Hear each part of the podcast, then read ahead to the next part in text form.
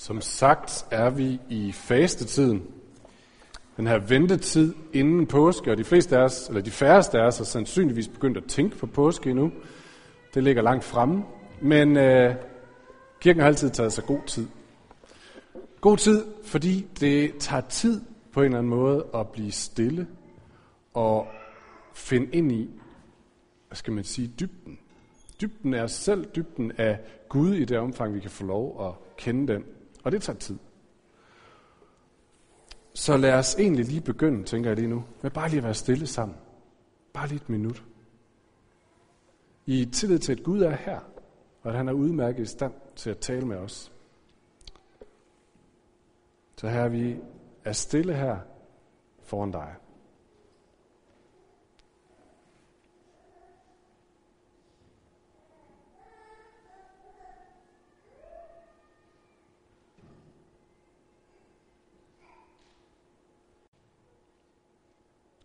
Kom Helligånd og fyld vores hjerter, skab stillhed, så vi hører, hvad du siger til os.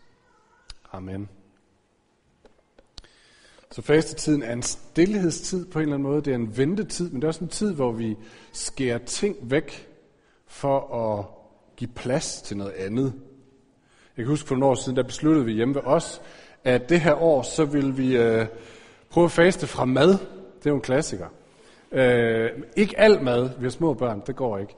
Øh, men vi vil faste fra sådan finere madlavning, og frem for alt så vil vi faste fra al den tid og energi, vi brugte på at handle ind og lave mad. Øh, og så øh, undersøgte jeg lidt, og jeg fandt ud af, at baked beans, det har faktisk utrolig mange af de næringsstoffer, som vi har brug for. Og det er nemt at handle. Så, så, så vi besluttede os for, at det var det, vi skulle have til aftensmad i fasten. Det var baked beans. Og så en gang imellem kunne vi få lidt ris eller lidt pasta til. For det var sådan rimelig nemt. Øh, så det gjorde vi. Jeg tror, jeg tror, det holdt i 14 dages tid. Og øh, da vi så i år, det er nogle år siden, da vi i år begyndte at snakke om, at nu var det faste tid igen derhjemme, så udbrød ungerne med det samme. Åh oh, nej, skal vi spise bønner igen? og så foreslog de selv, om ikke vi skulle faste fra skærme i stedet for. Så det synes jeg var meget fint. Så fast er sådan lidt en rens ud til. Fast er også lidt som havearbejde. Nu har det ikke været så godt vejr, det er begrænset, men jeg nåede heldigvis at klippe vores gamle æbletræer. Da vi øh, fik overtog hus for et par år siden, så overtog vi også en meget gammel have. Og ham, der havde boet øh, i huset før, han var helt tydeligt ikke haveinteresseret. For han havde sådan bare lavet den køre i en 10-15 år, den der have, og gro til. Og det er stadigvæk sådan, at når vi møder folk i kvarteret, og fortæller, hvor vi bor, så siger de, Nå, vi har også altid tænkt over, hvad der egentlig var inde bag ved den have der. Så der var, de her æbletræer var blandt andet vokset fuldstændig sammen med hækken. Og øh, derfor har jeg de sidste par forår kravlet rundt op i de her æbletræer og savet og klippet og beskåret grene, fordi det havde bare fået lov til at køre sig selv, det der æbletræ, så det havde jo stukket grene alle mulige mærkelige steder hen og viklet ind i sig selv, og øh, kroget rundt omkring, og blade, der dækkede for solen, og ingen sol nåede ind. Og den frugt, der kom på træet, det var sådan nogle små knallinger af nogle æbler.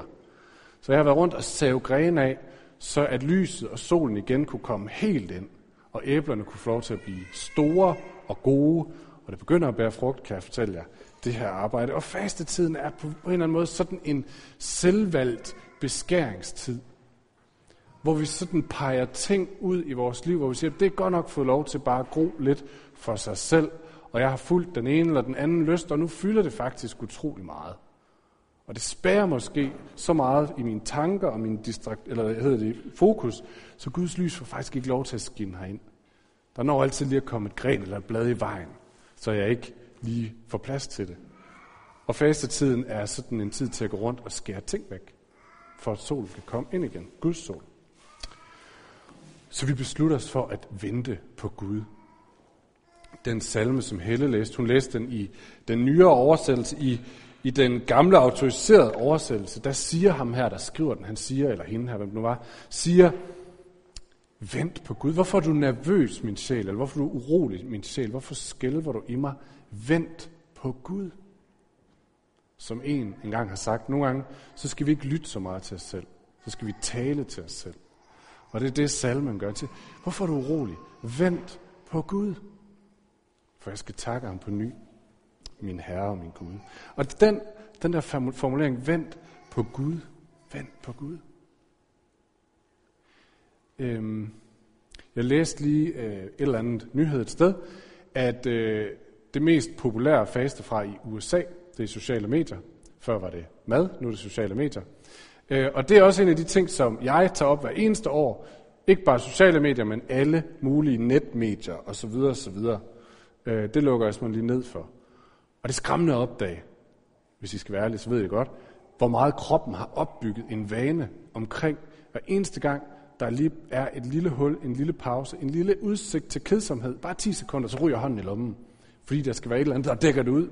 For jeg skal helst ikke nå at komme i kontakt med stillheden, med, øh, hvad hedder sådan noget, ikke frustration, men bare sådan den der restløshed. Jeg skal, ikke lige, jeg skal nå at distrahere jeg skal nå at fyldes på.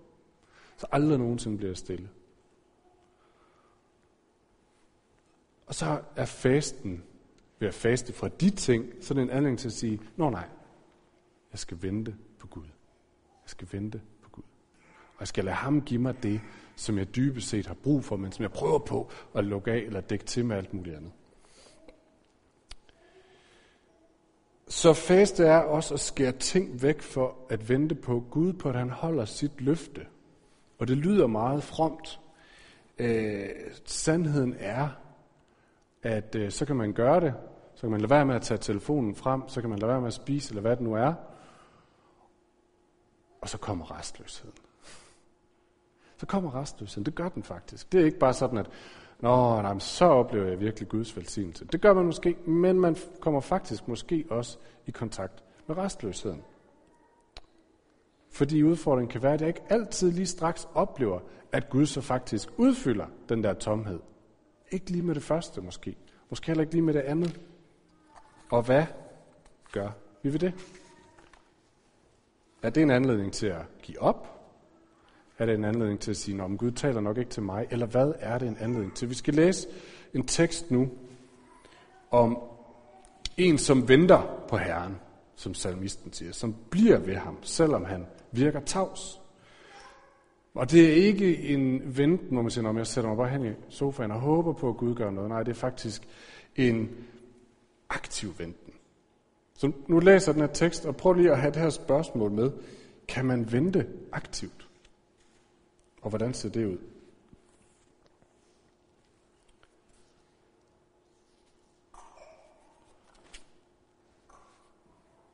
Og den kommer her. Jesus gik bort derfra og drog til områderne ved Tyrus og Sidon. Og se, en kananæisk kvinde kom fra den samme egen og råbte, Forbarm dig over mig, herre, Davids søn. Min datter plages slemt af en dæmon.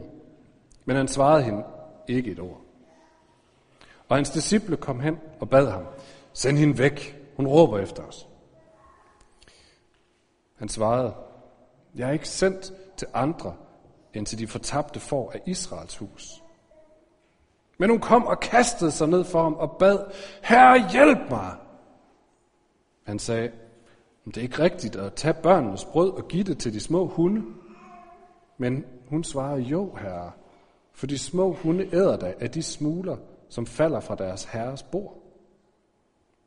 Der sagde Jesus til hende, kvinde, din tro er stor. Det skal ske dig, som du vil. Og i samme øjeblik blev hendes datter rask. At vente kan være passivt. I fredags brugte jeg fire timer i kø, dels i et tog, som ikke kunne køre videre, dels på en motorvej, fordi Vejlefjordbroen var spærret. Der var ikke så meget at gøre. Jeg måtte bare vente. Når vi er til lægen, så må vi sidde i venteværelset nogle gange et kvarter for længe, nogle gange 20 minutter, nogle gange en halv time, på at lægen siger vores navn. Lige nu går jeg og venter på forår og sol. Og i de situationer, der er ikke så vældig meget andet at gøre, end at vente. Det vil virkelig være upassende, hvis man gør noget andet, render op til lægen og siger, så! Så der er ting i Guds rige, der handler om bare at vente passivt. Bare at vente. Men så kan man også nogle gange vente aktivt. Så jeg venter på, at den rigtige potentielle kæreste dukker op. Men det betyder ikke, at jeg sidder hjemme i sofaen og håber, at det dog en dag sker. Nej, forhåbentlig så bevæger jeg mig ude, hvor der er mennesker, eller gør andet. Jeg kan vente på, at min chef eller min lærer opdager øh, mine evner, opdager, hvad jeg kan. Men det betyder jo ikke, at jeg bliver væk fra mit arbejde, eller sådan sløser med mine afleveringer i skolen. Nej, så gør vi forhåbentlig umage med noget. Så vi kan også vente aktivt. Der er noget passivt i det, fordi der er ting i det, jeg ikke er herre over. Men det ville være upassende, for eksempel hvis jeg begyndte at gøre kvinder til min kone, uden at ligesom vente på at se, om det nu var det, de synes var en god idé. Men er også noget aktivt. Vi gør faktisk også noget i den her ventetid. Så at vente, tror jeg også kan være aktivt. Og den her kvinde, hun venter, men hun venter aktivt. Lad os, lad os lige prøve at se på teksten, fordi for det første, så det første hun gør, det er, at hun opsøger Jesus. Og det kan være aktivt, men det er det særligt her, fordi Matthæus, som har skrevet det, han lader os tydeligt vise, at det burde hun vide, at det har hun faktisk ikke ret til. Hun burde vide, at hun er ikke sådan en, der skal opsøge Jesus. Matthæus øh, siger, at hun er kananæer, en kananæisk kvinde. Og øh, jeg har læst mig til, at det er faktisk ikke et udtryk, man bruger på det tidspunkt. Der er ikke nogen, der siger, at hun er kananæer. Det, det er simpelthen ikke noget, man siger. Øh, evangelisten Markus har den samme beretning, og han har mere sådan korrekt skrevet, at hun er en hedens kvinde af syrisk fynikisk herkomst. Hun kommer fra et syrisk fynikisk område. Men Matthæus han tager det her begreb kananæisk, som egentlig er et begreb fra, fra det gamle testamente op, fordi kananæisk beskriver det folk, som var i Israels område, da Israel vandrede ind og overtog det her land, eller flyttede ind i det her land. Hun hører til det folk, som ikke er Guds folk. Det folk, som ikke hører sammen med dem, som er Guds udvalgte. Hun hører ikke til her, slet ikke over for Jesus. Så det er helt klart fra begyndelsen, at hun burde lige vide, du hører ikke til her, min ven. Du hører ikke til her. Og alligevel så opsøger hun Jesus.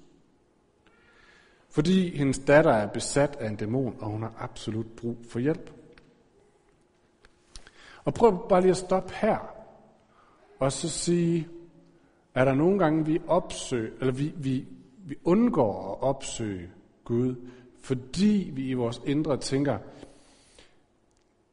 jamen jeg er egentlig heller ikke et sted, hvor jeg har ret til at opsøge Gud. Jeg kan egentlig godt forstå, hvis han ikke synes, han skal høre på mig lige nu. Fordi jeg har jo ikke, eller jeg har jo, eller jeg burde jo også. Så det, det, det er nok meget klart, hvis han ikke har lyst til at lytte til min bøn nu.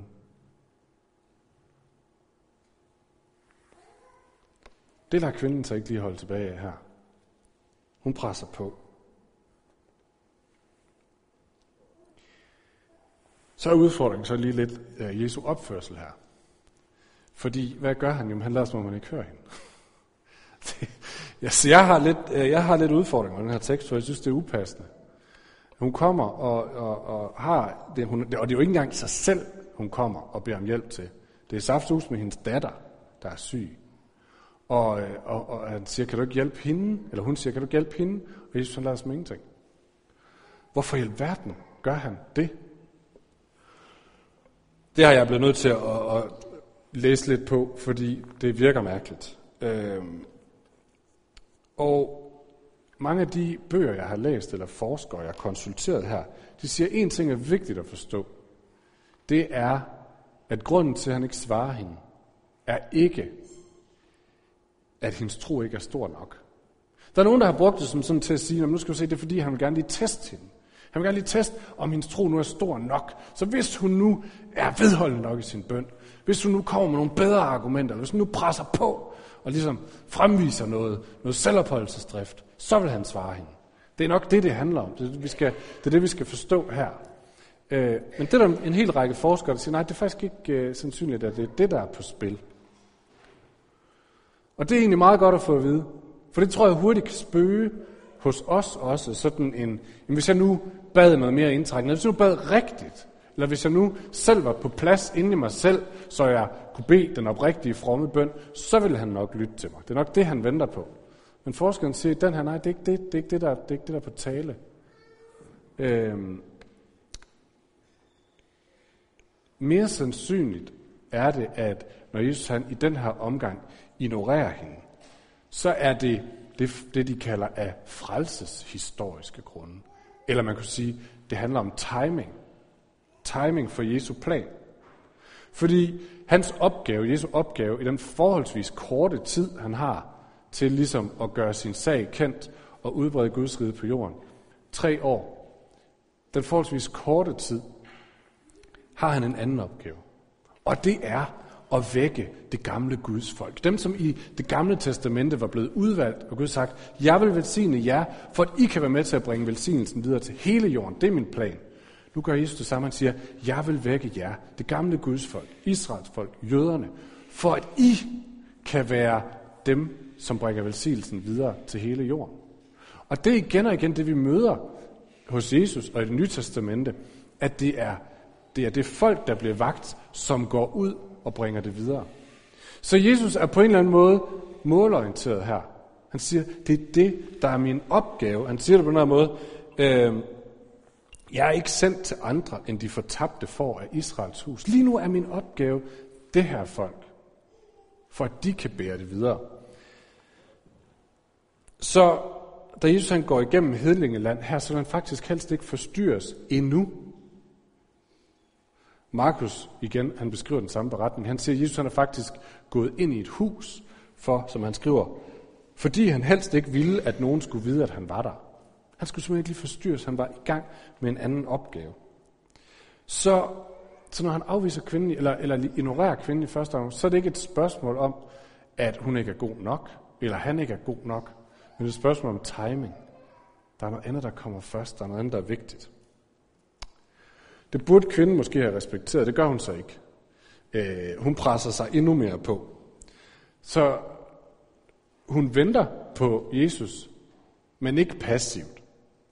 Hun kunne jo, altså hun kunne, da Jesus han så ikke lige svarer hende, så kunne hun være gået hjem, sådan lidt opgivende, og så har sat sig i sofaen og sagt, Nå, nu har jeg da spurgt ham. Så må vi se, om der sker noget. Og så lad det blive ved det. Eller hun kunne fuldstændig have opgivet håbet og sagt, Nå, jeg har sagt det til Gud, og han vil åbenbart ikke noget, så nu må jeg finde på en måde at gøre det selv på. Nu må jeg finde en anden vej og få reddet min datter. Øh, jeg tror, at nogle af os kender til begge dele. Så at sige, jeg har jo spurgt Gud en gang, øh, og, og det, det gjorde han ikke noget ved. Så der sker nok ikke noget. Eller, Gud han er ligeglad med mig, så jeg må hellere finde en anden vej. Men hun gør ikke nogen af delene. Hun bliver ved Jesus. Hun venter på ham, og så insisterer hun på, det er dig, der kan løse min situation. Og det er dig, der skal løse min situation. Og jeg går ikke min vej, før du gør noget i min situation. Det er dig, der er løsningen. Jeg ved ikke, hvorfor hun ved det. Hun er som sagt en kananæisk, hedensk, syrisk, fynikisk kvinde, men hun kan alle de rigtige ting. Hun kalder ham Herre Davids søn. Hun har på en eller anden måde hørt, den Gud har igennem hele Israels historie været trofast og god og nådig og omsorgsfuld og i stand til at hjælpe folk. Og nu påberåber hun ham og det er dig, der kan løse mit problem. Nu bliver jeg her. Det er altså en meget aktiv form for venten. Jeg venter på det dig, men jeg venter ikke herover, jeg venter her. Og hun gør det endnu mere simpelt. Hun siger bare, Herre, hjælp mig. Og Jesus forklarer det igen, det der med timingen, som det er ikke rigtigt at tage børnenes brød og give det til de små hunde. Lige nu der er det, lige nu der er det børnene, der er det Guds folk, jeg skal starte med. Men hun lader sig ikke affeje. Jo, herre, siger hun, for de små hunde æder da af de smuler, som falder fra deres herre bord, herres bord. Og det sjove er, at hun siger ikke, nej Jesus, der tager du fejl. Du, du skal selvfølgelig også give noget til hunden. Hun siger, men det er rigtigt nok, men der er altid noget til overs. Der er altid mere hos dig. Så det er som om, hun, hun, hun, hun prøver ikke at i rette sig Jesus. Hun læner sig bare ind i det, hun ved om ham. Jeg ved, du er god, og jeg ved, at du har rigeligt. Og jeg ved, at der, hvor du er, der er altid noget til overs. Må jeg få det? Må jeg få det? Hun bliver der. Og hun venter. Og hun siger, jeg ved, at der er noget hos dig. Jeg ved, at der er nok. Jeg ved, at du er god. Så hun lusker ikke væk, skræmt af, at Jesus åbenbart er tavs. Hun går heller ikke ud og leder efter andre måder lige at få fyldt det her behov på. Men hun bliver der og insisterer på, at han er god, at han kan, og at han vil sørge for hende. Da jeg sad og tænkte over det her, så kom jeg i tanke om vores mosaik heroppe. Flere har spurgt, hvad søren er det egentlig, den forestiller. Nu må jeg hellere fortælle det, hvis der er nogen, der ikke ved det. Det er beretningen fra det gamle testamente om Jakob. Jakob, som ender på en eller anden måde i sådan en kamp mellem Gud og livet og øh, sin skæbne osv., så ender han i kamp med Gud. Sådan kan livet føles en gang imellem. I kamp med Gud. Og øh, de slås simpelthen. Og til sidst, så, som I kan se, så Jakob, det har min røde trøje, så, så tager han fat i Guds bælte, eller hvad det nu er, han er på der, og holder fast, og Gud siger, slip mig. Og Jakob han siger, nej, jeg vil ej. Jeg slipper dig ikke, før du velsigner mig. På en eller anden måde underforstået. Jeg ved, at det er dig, der kan gøre noget. Og jeg slipper dig ikke, før du gør noget, for jeg ved også, at du er god.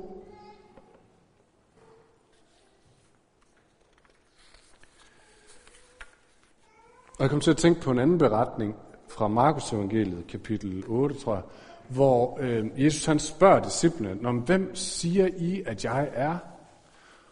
Øh, og Jesus, øh, Peter siger, øh, du er... Ej, undskyld, nu roder jeg rundt i det. Den beretning, jeg tænkte på, det er den beretning, hvor at folk begynder at gå væk fra Jesus. Fordi at han er udfordrende. Fordi det, han siger, det provokerer dem, og det kræver noget af dem. Og så kigger Jesus på disciplene, og så siger han, har I også tænkt jer at gå? Og så kigger Peter på Jesus, og siger han, men hvor skulle vi gå hen? Du har det evige livs ord. Underforstået, der er jo ikke nogen andre, der kan give os det, du kan give os. Vi bliver her. Vi venter her. For det er dig, der har det, vi skal bruge. Og salmen, som, som Helle læste op, havde det her sådan meget øh, maleriske billede, som man kan købe i mange genbrugsbutikker, hæklet med korsstæng, øh, eller hæklet, det hedder det ikke, øh, broderet med korsstæng, øh, af jorden, der skriger ved det udtørrede vandløb. Og jeg tror ikke, der er nogen af os, der har, altså, det ved jeg ikke, jeg har ikke sådan et stærkt forhold til hjorte og, øh, og deres øh, skrig efter vand. Men jeg tror måske alligevel, det kommunikerer fint nok. Sådan en hjort, der står ved et vandløb, hvor den skulle have drukket, og der var ingenting, og så skriger den efter vand. Så salmisten, der siger, vent på Herren, han bruger alligevel det her billede om sig selv. Jeg venter ikke passivt stille, sådan lidt undseligt herovre. Nej, jeg står og skriger. Jeg står og skriger på Herren.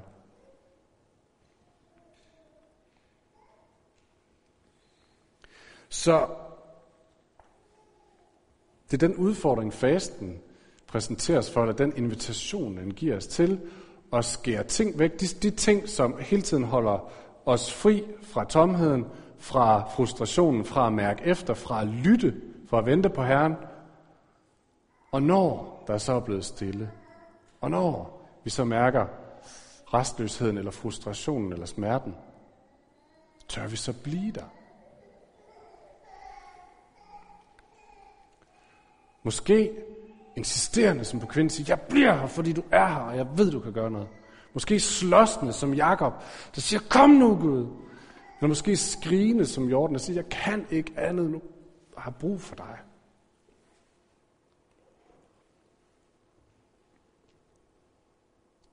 Og nogen af jer kender sikkert til at vente, og til at vente længe, og til ikke at stikke af, men til bare at blive ved med at stå ved Gud og vente rigtig, rigtig længe.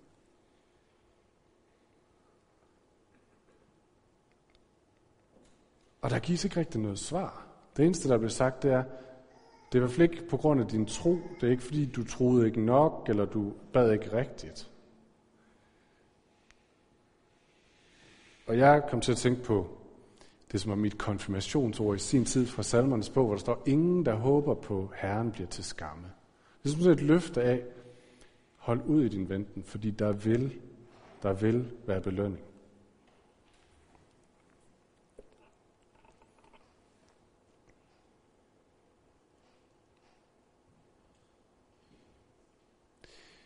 Noget af det sidste, Jesus taler med sine disciple om, det er også noget af det her, hvor han bruger billedet af et vintræ. Og han siger, jeg er vintræet, jeg er ligesom stammen, og I er grenene herudfra. Og så siger han, den der bliver i mig, og jeg i ham, han bærer mig en frugt. Og vi vil alle sammen gerne være frugtbare. Ikke? Vi vil gerne være frugtbare i vores liv på den ene eller den anden måde. Vi vil gerne, at der ligesom der, der kommer noget ud af vores liv. Ikke? Samfundet fortæller os, at det skal der så også, fordi hvis ikke der kommer frugt ud af vores liv i form af karriere, eller hus, eller figurer, eller børn, eller et eller andet, så skal du nok overveje, om du egentlig har ret til at være her. Så vi vil alle sammen gerne være frugtbare. Og hvis I er som mig, så kan tendensen være, at hvis ikke der lige er noget frugt, så forsøger man alt magt at presse et lille æble ud et eller andet sted.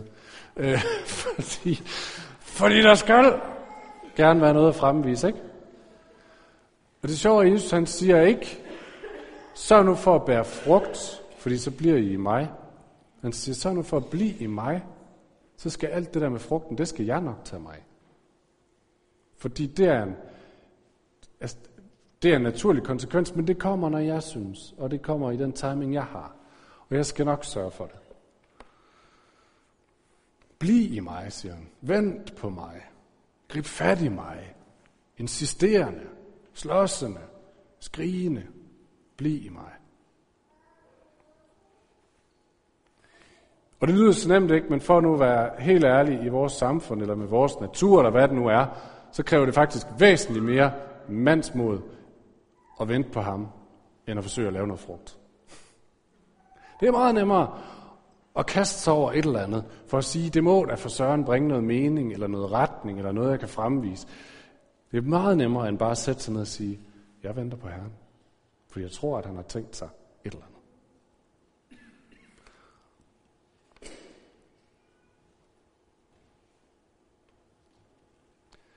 Nogle gange kan det også virke som, som dogenskab, eller sådan ansvarsforflygtigelse, og sige, jeg venter på Herren.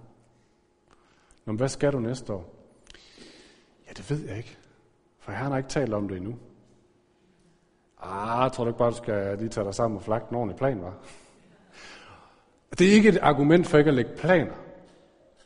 Det er det, jeg tror, vi har fået vores sunde fornuft til at lægge planer. Men for eksempel Paulus, som skriver breve og planter menigheder i det nye testamente, han lægger planer, han siger, jeg har tænkt mig at tage til Spanien, det længste mod vest, vi overhovedet kan forestille os på det tidspunkt. Men så tilføjer han altid, om Gud vil. Med sådan en, sådan en klausul, der hedder, det er det, jeg tror, jeg skal. Men jeg venter altid på Gud for at se, om han har en anden tanke. Og spørgsmålet er, om vi tør indføje den der klausul, sådan en, jeg tror, det er det, jeg skal, men jeg venter også på Herren for at se, om det er det, han synes. Er jeg klar til at lade mig korrigere? Er jeg klar til at slippe kontrollen? Er jeg klar til at gøre noget, der ser mindre gloværdigt ud, eller mindre frugtbart ud, eller mindre, hvad ved jeg, guld og grøn skovagtigt ud?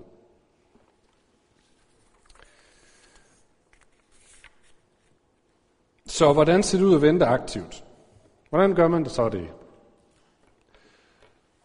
Øhm, det ved jeg ikke, om jeg ved sådan men jeg kan komme med et par eksempler, hvad jeg tænker på. Øhm, for noget tid siden havde Marie, min hustru og jeg, nogle beslutninger, vi skulle træffe omkring nogle prioriteringer. Hvordan skulle vi lige prioritere det? Og vi var faktisk i tvivl om. Og der var ikke lige noget, der virkede åbenlyst. Det var ikke sådan, vi skal klart gøre det. Og så sagde vi, når men det er ferie om ikke så længe. Så lad os sige, at vi sætter aftenen af i ferien.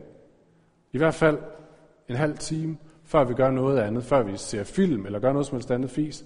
En halv time, så venter vi på Herren. Så siger vi, Gud, vi ved, at du er god. Vi ved, at dit hjerte er godt, og du vil det gode. Så nu venter vi her, til du viser os, hvor vi skal gå hen.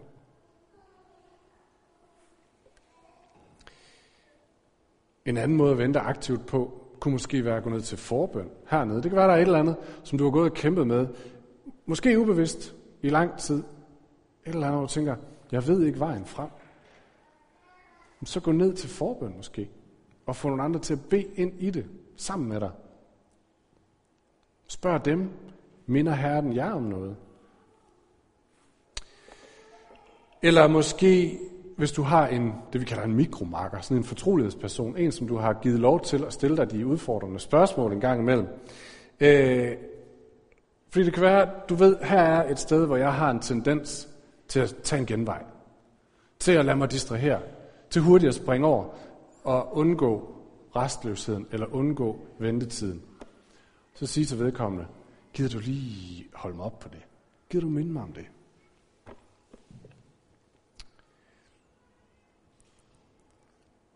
Ja, så hvorfor bliver vi med at køre rundt i det her? Med at vente aktivt, med at blive stående, med at insistere, med at holde fast, Gud fast på hans løfter. Jeg blev mindet om et vers i, jeg glemte at slå det op, Mikas bog, tror jeg, hvor Gud siger, sæt mig på prøve, og se om ikke jeg vil åbne himlens sluser over jer. Han siger simpelthen meget konkret, sæt mig på prøve. Og, øh, og jeg tror simpelthen, at der er som man siger i karismatiske kredse, der er meget, meget mere. Der er meget, meget mere, han vil gøre i dig og i mig. Vi har kun set toppen af, hvad han kan og hvad han vil. Toppen af hans kærlighed, toppen af hans omsorg, toppen af hans kraft, toppen af vilde ting, der kan ske det er ikke sikkert, det handler om sådan menneskelig fame and glory. Det handler ikke om, at bare vent, du kører Mercedes som en måned. Men det handler om at blive det, som du er skabt til. Og få lov til at deltage i det, som han har lagt foran dig. Så det handler om det, han vil gøre i dig, og det handler om ting, han vil gøre igennem dig. Der er meget, meget mere. Og jeg tror, for nu at være helt ærlig, at vi rigtig tit går glip af det. Fordi at vi lige fiser et andet sted derhen, hvor der var tid og plads til, at han kunne komme ind og tale. Vil I lade os distrahere? Eller vil I skal hen og presse et lille æble ud? Eller noget andet? Tør vi lige vente? Tør vi vente på det, han har tænkt sig at gøre? Det er ikke sådan en mirakel selvhjælpskur. Sådan en, ja, nu bliver du endnu mere sexet eller et eller andet. Men det er, nu får du lov til at træde ind i den virkelighed, som han har skabt dig til at træde ind i. I den her verden, i hans plan, med det han har lagt i dig. Og Der er ikke noget bedre. Det er jeg ret overbevist om. Og fasten giver sådan en anledning til at tale om det her. Fasten giver sådan en anledning til lige at sige, kom on venner, hvordan går det? Og helt ærligt, nogen af os, det er tid til at gå på knæ. Det er tid til at gå på knæ og bekende, ja for søren, jeg har godt nok lavet mig distrahere i lang tid. Jeg har godt nok undgået.